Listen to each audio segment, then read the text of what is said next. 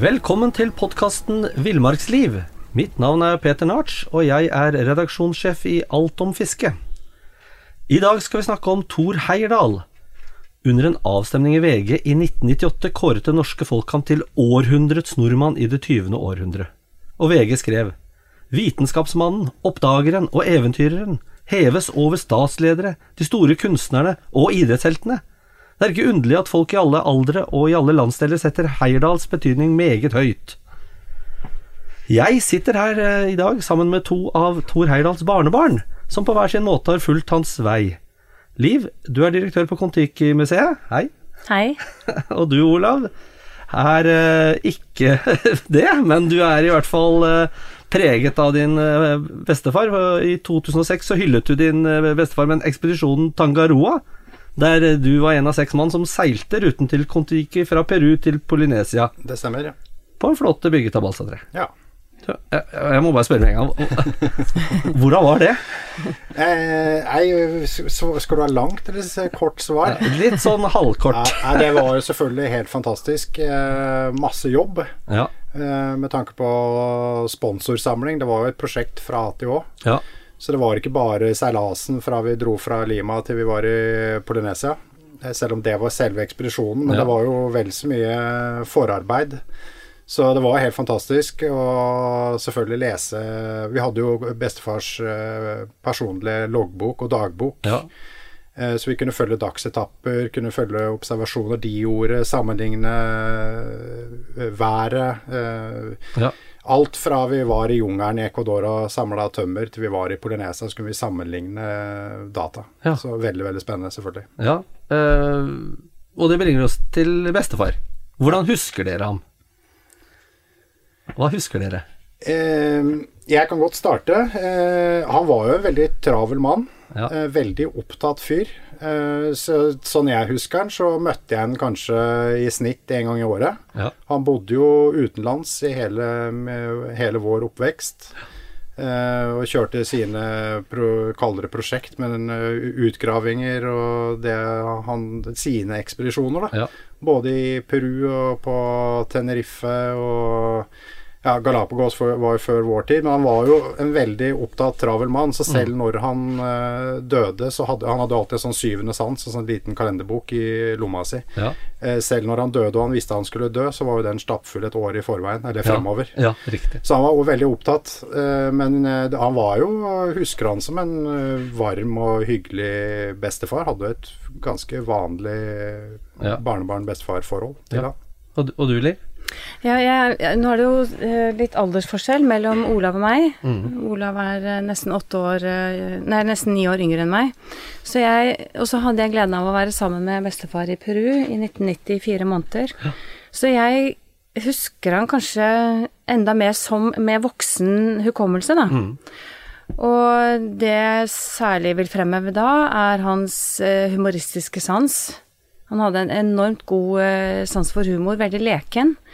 Og, han hadde en formidlingsevne og fortellerevne som gjorde at eh, selv jeg var barn, så han, eh, Det husker sikkert du også, Olav, at han, når han var hjemme hos oss, så satt han jo mye og, og diskuterte og pratet med pappa. Altså, men vi satt jo som sånne store, eller små barn med store tinntallerkenøyne og ører og lyttet, og han klarte å gjøre det så spennende og levende at eh, selv vi som var barn og unge, syntes det var eh, spennende å følge med. Nå får du bladet Villmarksliv rett hjem i postkassa i tre måneder for kun 99 kroner.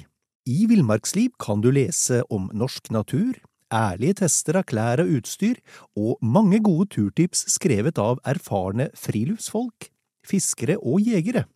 Send SMS VILL36 til 2205 og motta bladet allerede neste uke. Lev livet villere med bladet Villmarksliv. Hi, I'm Daniel, founder of Pretty Litter. Cats and cat owners deserve better than any old fashioned litter. That's why I teamed up with scientists and veterinarians to create Pretty Litter. Its innovative crystal formula has superior odor control and weighs up to 80% less than clay litter. Pretty Litter even monitors health by changing colors to help detect early signs of potential illness. It's the world's smartest kitty litter. Go to prettylitter.com and use code ACAST for 20% off your first order and a free cat toy. Terms and conditions apply. See site for details. Men det var kanskje noe av hemmeligheten med Thor Heyerdahl òg, for at én ting er eventyreren, men eventyrfortelleren Han var jo fantastisk til å fortelle, som gjorde at han uh, var kanskje først og fremst noen vil si PR-geni, som gjorde han til den uh, kjente personen han uh, da ble. da. Ja. Men uh, ja, jeg så i Wikipedia, og der er, har han hele tolv oppføringer som profesjon. Oppdagelsesreisende, antropolog, arkeolog, historiker, manusforfatter, marinbiolog, eventyrer, filmregissør, sjømann, etnograf, world traveler og skribent. Hva, hva, hva, svarer dere hvis du spør hva han var? Jeg vil i hvert fall skyte inn at han hadde steila hvis han hadde sett den lista her og det hadde vært uh, satt opp eventyrer. For det, han så ikke på seg selv som en eventyrer. Nei? Han levde et eventyrlig liv, men eh, han ble jo sammenligna med en moderne Indiana Jones, f.eks., og ble nå forbanna. Ja. Så ikke, han, han gjorde da viten, vitenskap. ja. ja. Men det må han tåle. Det må han tåle. Han må tåle at vi kaller han eventyrer, når du ser hva han har holdt på med. Ja, det er som Olav sier, at han levde et eventyrlig liv. Men han var etnolog, eh, kan man jo si at han var. Og forfatter, først og fremst. Ja. Det var han. Hva er etnolog? Det er studiet av spredning av tidligere kulturer og kommunikasjon dem imellom. Det Ja. er i hvert fall en enkel forklaring. Ja, og det var jo det som var nøkkelen i hans eh, teori, Ja, ikke sant? ja. Teorier om eh, og hvorfor han gjorde alt det han gjorde. Ja, og så var han drevet av eh, faglig nysgjerrighet. Det var ikke det var ikke eventyrlyst som drev han. Nei. Det var faglig basis i alt han eh, som motiverte han.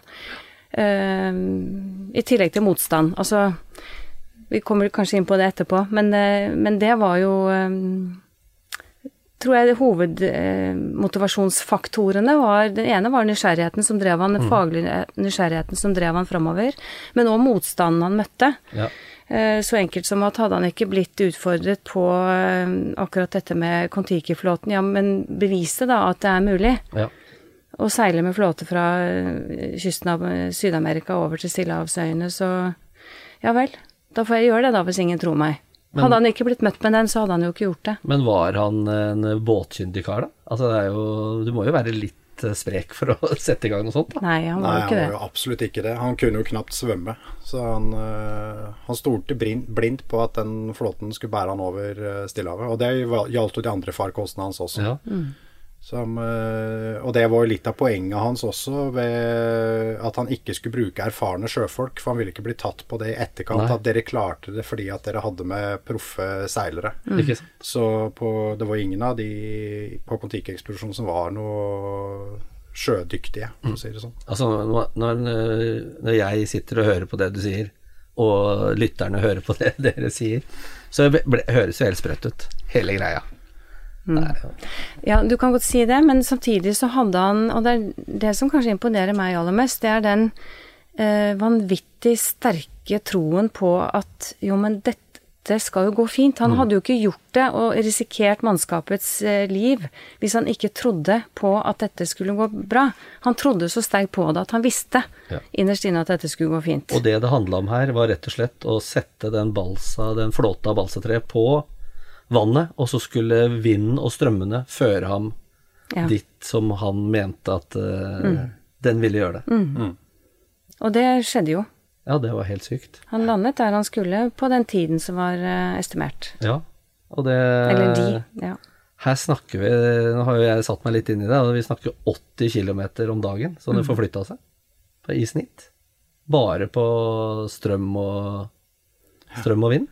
Ja, vi hadde jo, når vi seilte med Tangaroa, når vi hadde jo, da hadde vi all slags vær. Vi hadde Ja. jo også blikk stille. Ja. Altså når du fyller et glass med vann og det blir sånn hinne på toppen av glasset. Ja. Sånn føltes det ute på Stillehavet. Og selv da så hadde vi jo en halv knop fart Ja, bare på strømmen. bare på strømmen. Ja. Så vi hadde vel en snittfart på 2,6 knop. Mm. Og maksfart på i en surf. Når vi hadde åtte meter bølger, så hadde vi en surf på 5,8 knop. Så det går ikke fort.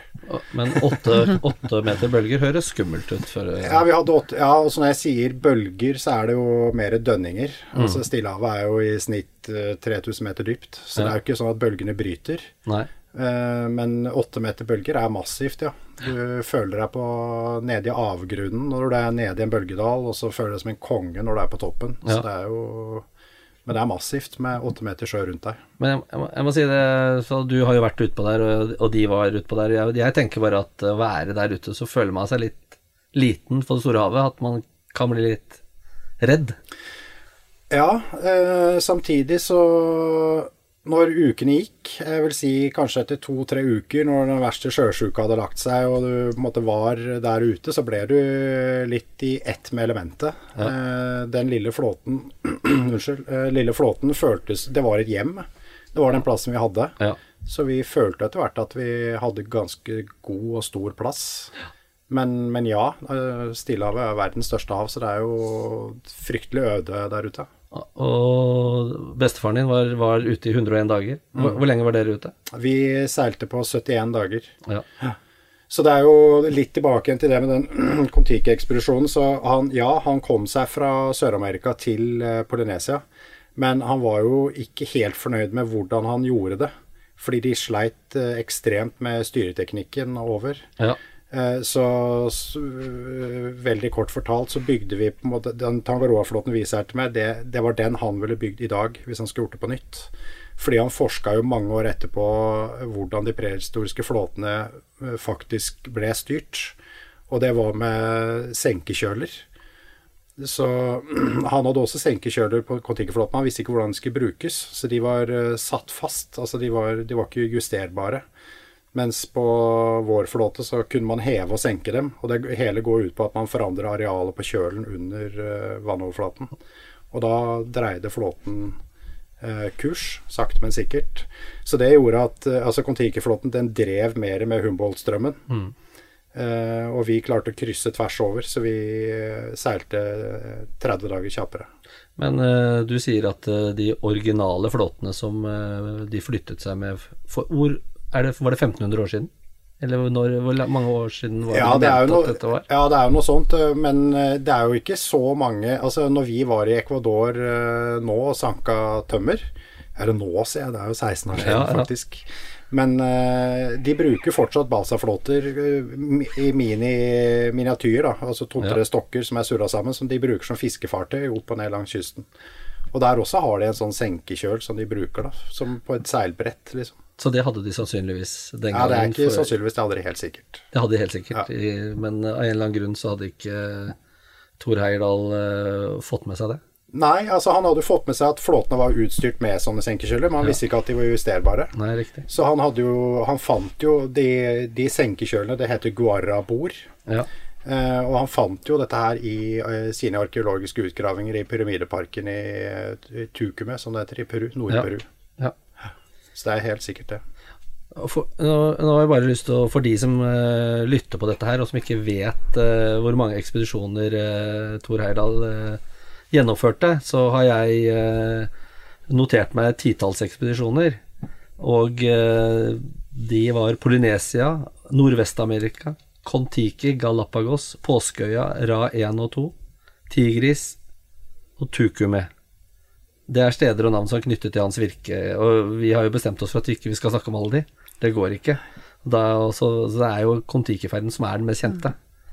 Og ikke, ikke minst gjennom den filmen som han fikk Oscar for, eh, eh, for beste dokumentarfilm. Der må jeg komme med en liten fun fact, da. For den flåten som ble brukt i spillefilmen, den var, det var den vi seilte i 2006 over Stillehavet. Oh, ja, da snakker vi den, den filmen som kom i 2012. Stemmer. Ja. Så den flåten er en, øh, er en øh, Hva skal jeg si Vi var på Malta og bygde om den. Så det, er- det er real stuff. Det er ekte saker, Ja. ja. Mm. Men den filmen som kom i 2012, eh, hvordan syns dere den er i forhold til eh, virkeligheten?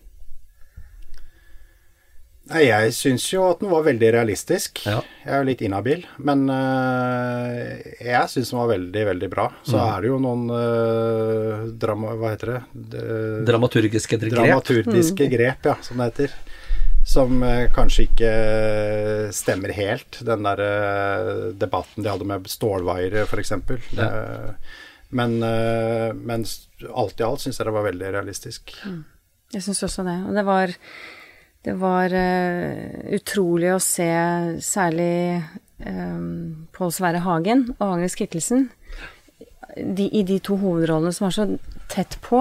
Ja. Og vi kjente jo begge vi to kjente jo bestefar veldig godt. Ingen av oss møtte farmor, men vi har jo hørt så mange historier og sett så mye bilder. Ja. Så det å plutselig se nærmeste familie på kino, det var rart. Og Pål Sverre Hagen hadde gjort en utrolig jobb med å studere mimikk og gester og engelsken språk.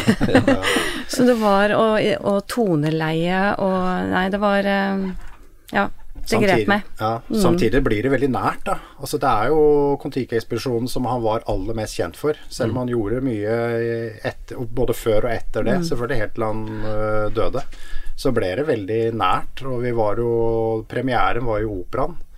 Der hele familien var invitert, og det var, det var ganske sterkt å se det. Gjorde inntrykk. Jeg har akkurat sett eh, originalfilmen, og det som eh, overrasker meg, er jo hvor lite vesen han lager ut av seg selv. Han er jo knapt med i filmen. Det er liksom, det, så han er ikke noe sånn ønske om å være noe superstar, selv om det var det han blei, da. Nei, han var eh, Det er ikke Jeg er enig. Han ja. gjorde ikke mye ut av seg for å være noen superstjerne. Han var en veldig dyktig leder, og tok det ansvaret på største alvor. eh, Og utførte den rollen beundringsverdig, syns jeg. Sånn som jeg har blitt fortalt og har sett og hørt, og opplevd han. Så mista de jo øh, veldig mye filmmateriale øh, når de stranda på den polyreske øya Raroia også, så det er jo kanskje han ble borte der. Og så når man ser, når man ser tilbake på det i dag, så tenker man liksom at, at det er jo det han gjorde som gjorde at du vinner Oscar. Nå får du bladet Villmarksliv rett hjem i postkassa i tre måneder for kun 99 kroner. I Villmarksliv kan du lese om norsk natur, ærlige tester av klær og utstyr, og mange gode turtips skrevet av erfarne friluftsfolk, fiskere og jegere. Send SMS VILL36 til 2205 og motta bladet allerede neste uke. Lev livet villere med bladet Villmarksliv. Hi, I'm Daniel, founder of Pretty Litter. Cats and cat owners deserve better than any old fashioned litter. That's why I teamed up with scientists and veterinarians to create Pretty Litter. Its innovative crystal formula has superior odor control and weighs up to 80% less than clay litter. Pretty Litter even monitors health by changing colors to help detect early signs of potential illness. It's the world's smartest kitty litter. Go to prettylitter.com and use code ACAST for 20% off your first order and a free cat toy. Terms and conditions apply. See site for details. For det, det, er ikke, det er ikke mye fiksfakseri med den filmen. Nei, det er ikke Nei, det, det er ikke mye klipp og lim, nei. Nei, så det er, Ikke, det er ikke sånn superspennende, egentlig. Men det, var- kanskje det var eh, litt småkjedelig å være 101 dager på den båten? Ja, på den tida også, ikke sant. Det var jo seks blonde karer som rettet i krigen. Det var jo i 1947 det her. Ja. Så verden eh, trengte en solskinnshistorie. Men var det litt likt eh, som det du gjorde, at det faktisk handla litt om å skaffe til veie midler her også, eller? Ja, veldig, veldig gjenkjennbart. Ja. Absolutt. Han gjorde det, han også. At Ja, ja. han måtte jo Sleit jo masse. Hvor farlig var Kon-Tiki-ekspedisjonen?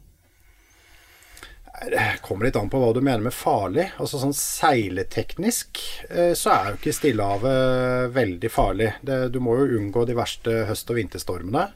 Men det som er farlig, og det som var eh, vil jeg si hovedutfordringen, var jo seks mann eh, i tre måneder så tett på hverandre. Eh, og Jeg har lyst til å bare ta en liten historie om det. Fordi når jeg kom tilbake igjen fra Tangoekspedisjonen, så fikk jeg en lang, hyggelig tekstmelding der eh, det står at eh, han har dyp respekt for det vi har gjort. Eh, noe han aldri kunne gjort eh, selv. Og det var jo tekstmelding fra Børge Ausland.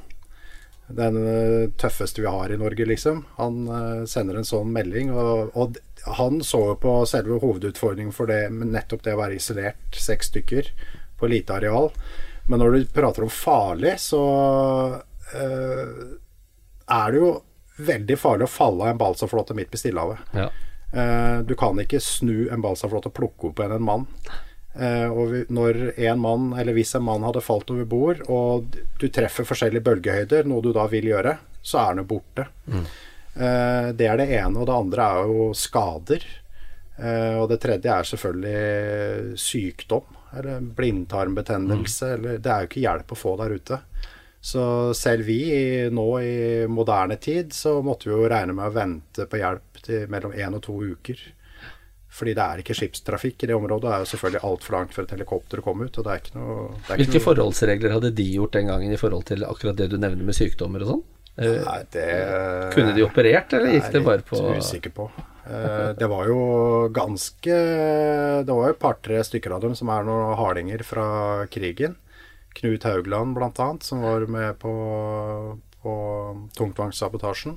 Han var en skikkelig tøffing. Så jeg, de hadde nok klart seg hvis det var en tann som måtte trekkes eller noe sånt. Det, Ja. Men det er klart at øh, Vi opplevde at uh, det som kalles rå, altså den som Det er jo et firkantseil på de flåtene. Og det som da heter en rå, den som holder den tverrstanga, kaller det det, da, som seilet henger fra, den knakk. Og det er klart at Hvis den hadde knukket tvers av og falt i dekk, eller noen hadde fått den i huset, hadde du daua. ja. Eller fått alvorlige skader. Men det farligste om bord var jo å falle over, rett og slett. Mange sjømenn som er funnet ute på havet med, med smekken eller gylfen åpen. som du må holde deg fast. Jeg trodde det var forbundet med at man drikker om bord, jeg. Ja, sikkert det òg, men også når du slår lens over reka. Ja. Så hvis du ikke da holder deg fast med én hånd og andre hånda på utstyret, så Så det, var, det, det skjedde jo ikke den slags ulykker, så det Ikke på vår ekspedisjon, men det falt en mann over bord på Ja, Kon-Tiki-ekspedisjonen. det så jeg jo. Ja, så så det var høydramatisk. ja, det så jeg faktisk. På, og det hadde de gjenskapt veldig bra i den andre filmen også. Ja, og det er klart at den, det hadde ikke vært en suksesshistorie, den Kon-Tiki-ekspedisjonen, hvis de hadde mista en mann. Nei. Så Og det som var farlig med Kon-Tiki, som ikke ble farlig for dere, det var jo eh, hvordan de krasjlandet med Kon-Tiki-flåten. Fordi de, havnet, de krasjlandet i korallrevet utenfor Aroia. Eh, og da ble jo flåten knust. Og den scenen som det er gjenskapt i 2012-filmen eh, jeg, vet jo ikke, jeg kan jo ikke si om det var sånn det var, for jeg var jo ikke der i 1947. Men den er i hvert fall lagd så eh, liv... Hva heter det? Livaktig Autentisk. og liv- autentisk. ja. Så den virker troverdig. Ja. Og jeg vet jo etter å ha blitt fortalt historier at det var kjempe, kjempefarlig. Så det kunne gått ordentlig galt. Og det handler jo om at ikke de kunne navigere den flåten. De visste jo ikke hvordan, men det hadde jo dere Den gåten hadde jo dere løst, da. Og kunne styre flåten inn på le-siden av øya, og dermed så kunne dere seile rett inn på stranden, elegant og fint. Mens uh, Og det var kanskje det de klarte altså for 1000 eller 1500 år siden. ja, det må man Ja. Bedre enn Thor. Ja. Ja. Men, men uh, vi må repetere hva han egentlig ønsket å bevise med turen. Sånn, eh, for, for folk som ikke er helt klar over det. Ja, han øh, ville Og da vil jeg ikke bruke ordet bevise, men han ville vise at det var mulig å seile over Stillehavet på en øh, prehistorisk balsaflåte. Eh, og vise at det var mulig å ha kontakt fra fastland og ut til øyene. At befolkningen kan ha vært fra søramerikansk side. Men han var jo generelt veldig fascinert av dette med forflytning av mennesker. At det var en slags eh, utvikling av menneskeheten basert på at man spredde lærdom, da. Ja, absolutt. Og så så han jo på verdenshavene som eh, en kommunikasjonsvei, ikke en barriere. Så, og det underbygget jo bare hans eh, teori. Han var jo på Du nevnte ikke det i sted, men en av ekspedisjonene, den aller første, var jo til Fatuhiva. Sammen med eh, farmor, da de var helt unge. Hun var 20, og han var 22. Eh, Det var jo for å studere dyr og, og planteliv. Hvordan var det kommet til Polynesia? Men så skiftet jo fokus til hvordan kom menneskene dit. Og da var det ikke Poenget var med Kon-Tiki ikke å bevise at mennesker var kom, fra, altså i Stillehavet var kommet fra Sør-Amerika, men som du sier, Olav, at, at det faktisk eh, kunne være mulig å eh, seile over med en balsaflåte. Og det beviste han jo. Eller viste at det var mulig. Men når du snakker om ekspedisjoner med deres bestemor hadde de, ikke, de hadde jo den der turen til paradis, hvor de hadde bestemt seg for å bo resten av livet. Ja, det var Fatuhiva. Ja, det var Det var fattig. Ja. Altså, Da lukter det ikke noe sånn stor forskerkarriere med det, ideen han hadde der. Nei, ikke sånn som du fremstiller det der. Men det, han hadde jo eh, Det var et eh, faglig alibi her òg. Det var eh, Han skulle samle insekter og dyr og studere planteliv. Så det var den, det, det faglige grunnlaget her. Men de skulle være der for resten av livet. I paradis. De skulle De ble i hvert fall ikke der mer enn et år, nei. Det er riktig. Det er, det er på en måte et slags eh, forskerbevis det også, på at det å være i paradis, det er kjedelig. Konklusjonen var jo at det var eh, Altså, paradis er ikke et geografisk sted, da det er ikke noe du kan kjøpe billett og reise til. Nei. Så det, ja. Mhm. Men, Men det sier litt om uh, Hun var 20, eller hun var sikkert 19 når de planla det, og han var 21 eller 22 når de dro. Og det var ikke bare å sette seg på et rutefly på den tida der for å komme seg til en, uh, en atoll midt i Stillehavet. Så det var en vanvittig lang reise, og så unge som de var på den tida, det er uh, Jeg vet ikke hvilke ord jeg skal bruke, men det var i hvert fall spesielt. Ja, og da var verden veldig, veldig mye større enn den er nå, for nå, nå kan man jo kommunisere så enkelt. Eh, men han hadde jo den frihet som han ikke ikke. har i dag, da.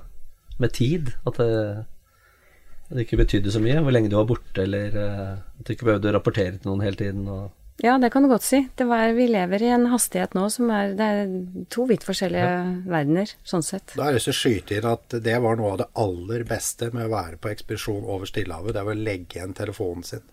Ja. Være isolert. Fantastisk følelse som alle burde unne seg. Ikke nødvendigvis seile over Stillehavet og bruke tre måneder på det, men eh, legge vekk telefonen. Og, det er begynne med to følelse. timer, og så Ja. kanskje øke til en uke. Ja.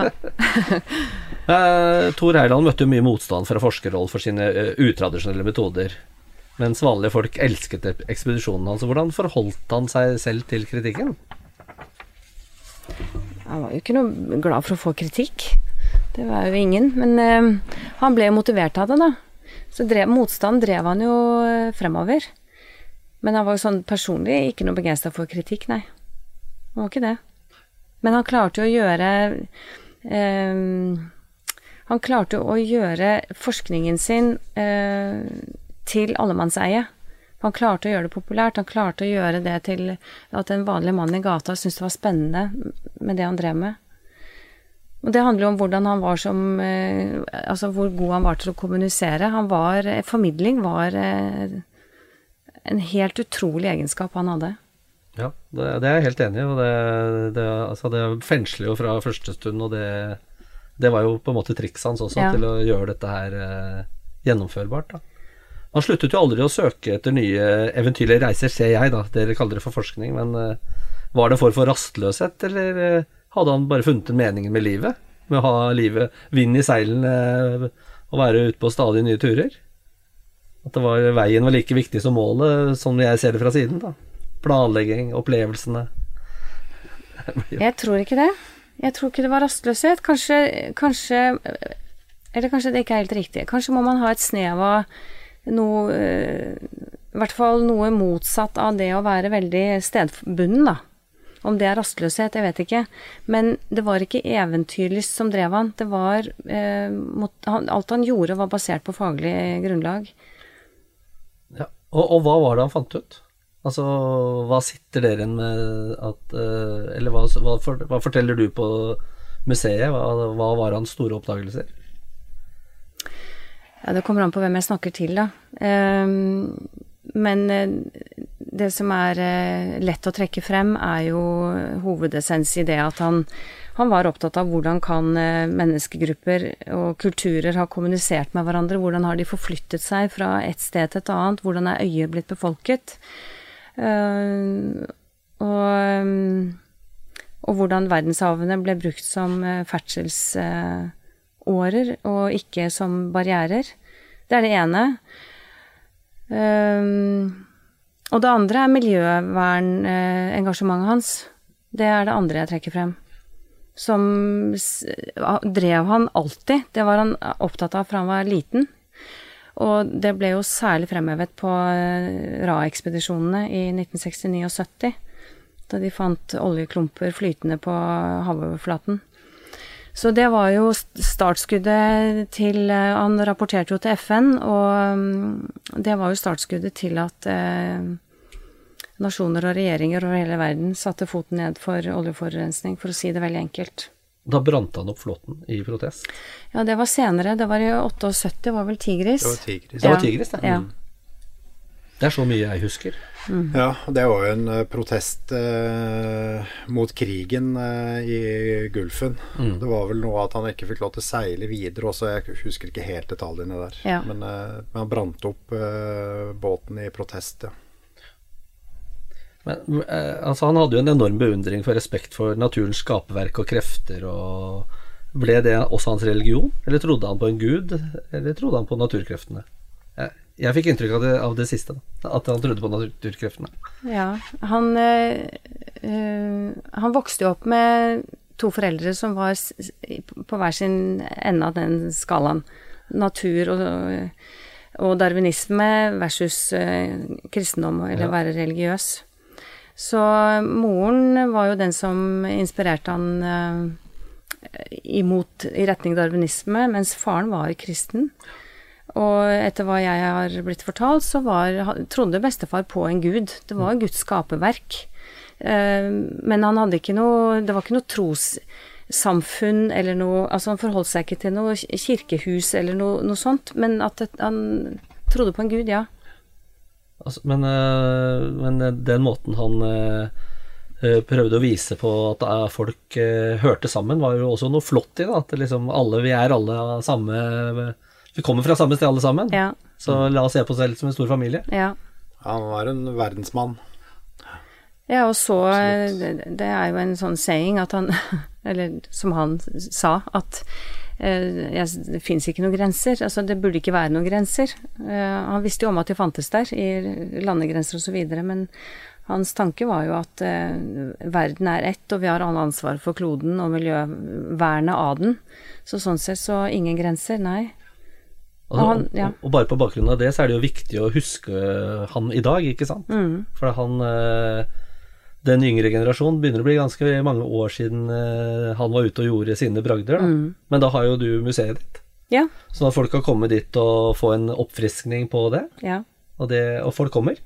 Folk kommer. Eh, Det museet har jo, viser jo primært historiske Altså hva han har gjort. Ikke sant. Opp, fra, fra de reiste til Han og farmor reiste til Fatuhiva eh, frem til og med utgravningene i, på Tenerife. Som var det siste han gjorde. Så, så det er jo faktiske hendelser gjennom livet. Eh, Det vi jo ikke må glemme, det er verdigrunnlaget hans. Altså da tenker jeg på miljøvernengasjementet og evne til å knytte folk fra ulike nasjoner sammen. Altså betydningen av tverrkulturelt samarbeid, internasjonalt samarbeid. Da var han en, eh, et forbilde. Og det er slik det, dere ønsker at han skal bli husket. Absolutt. Og, men ikke som eventyrer. Nei, han levde et eventyrlig liv, som, eh, som vi har sagt. Ja. Men, det, men det er noe vi fremhever òg, fordi at det var sånn vi vet at han han, ville ikke, han så ikke på seg selv som noe eventyr, Da ble han fornærmet. Det var, eh, Men det er litt av et eventyr, det, livet han har Ja, men det er det ingen tvil om. Alle mener det. ja, alle mener det. Det er vi helt enig i. Ja. Men eh, Nå får du bladet Villmarksliv rett hjem i postkassa i tre måneder for kun 99 kroner. I Villmarksliv kan du lese om norsk natur, ærlige tester av klær og utstyr, og mange gode turtips skrevet av erfarne friluftsfolk, fiskere og jegere. Send SMS VILL36 til 2205 og motta bladet allerede neste uke. Lev livet villere med bladet Villmarksliv. Imagine the softest sheets you've ever felt. Now imagine them getting even softer over time. That's what you'll feel with Bowl and Branch's organic cotton sheets. In a recent customer survey, 96% replied that Bowl and Branch sheets get softer with every wash. Start getting your best night's sleep in these sheets that get softer and softer for years to come. Try their sheets with a 30-night guarantee. Plus, get 15% off your first order at bowlandbranch.com. Code BUTTERY. Exclusions apply. See site for details. Hey, it's Paige DeSorbo from Giggly Squad. High quality fashion without the price tag. Say hello to Quince. I'm snagging high-end essentials like cozy cashmere sweaters, sleek leather jackets, fine jewelry, and so much more. With Quince being 50 to 80% less than similar brands. And they partner with factories that prioritize safe, ethical, and responsible manufacturing. I love that. Luxury quality within reach. Go to quince.com slash style to get free shipping and 365-day returns on your next order. quince.com slash style. Jeg vil bare si tusen takk for at dere stilte opp her. For det, å fargela den Århundres århundrets største personlighet, ifølge mange, fra forrige århundre. ja. han skal få lov å være med oss inn i dette århundret òg. Ja, det er flott. Tusen takk. Tusen takk. Takk for at vi fikk komme.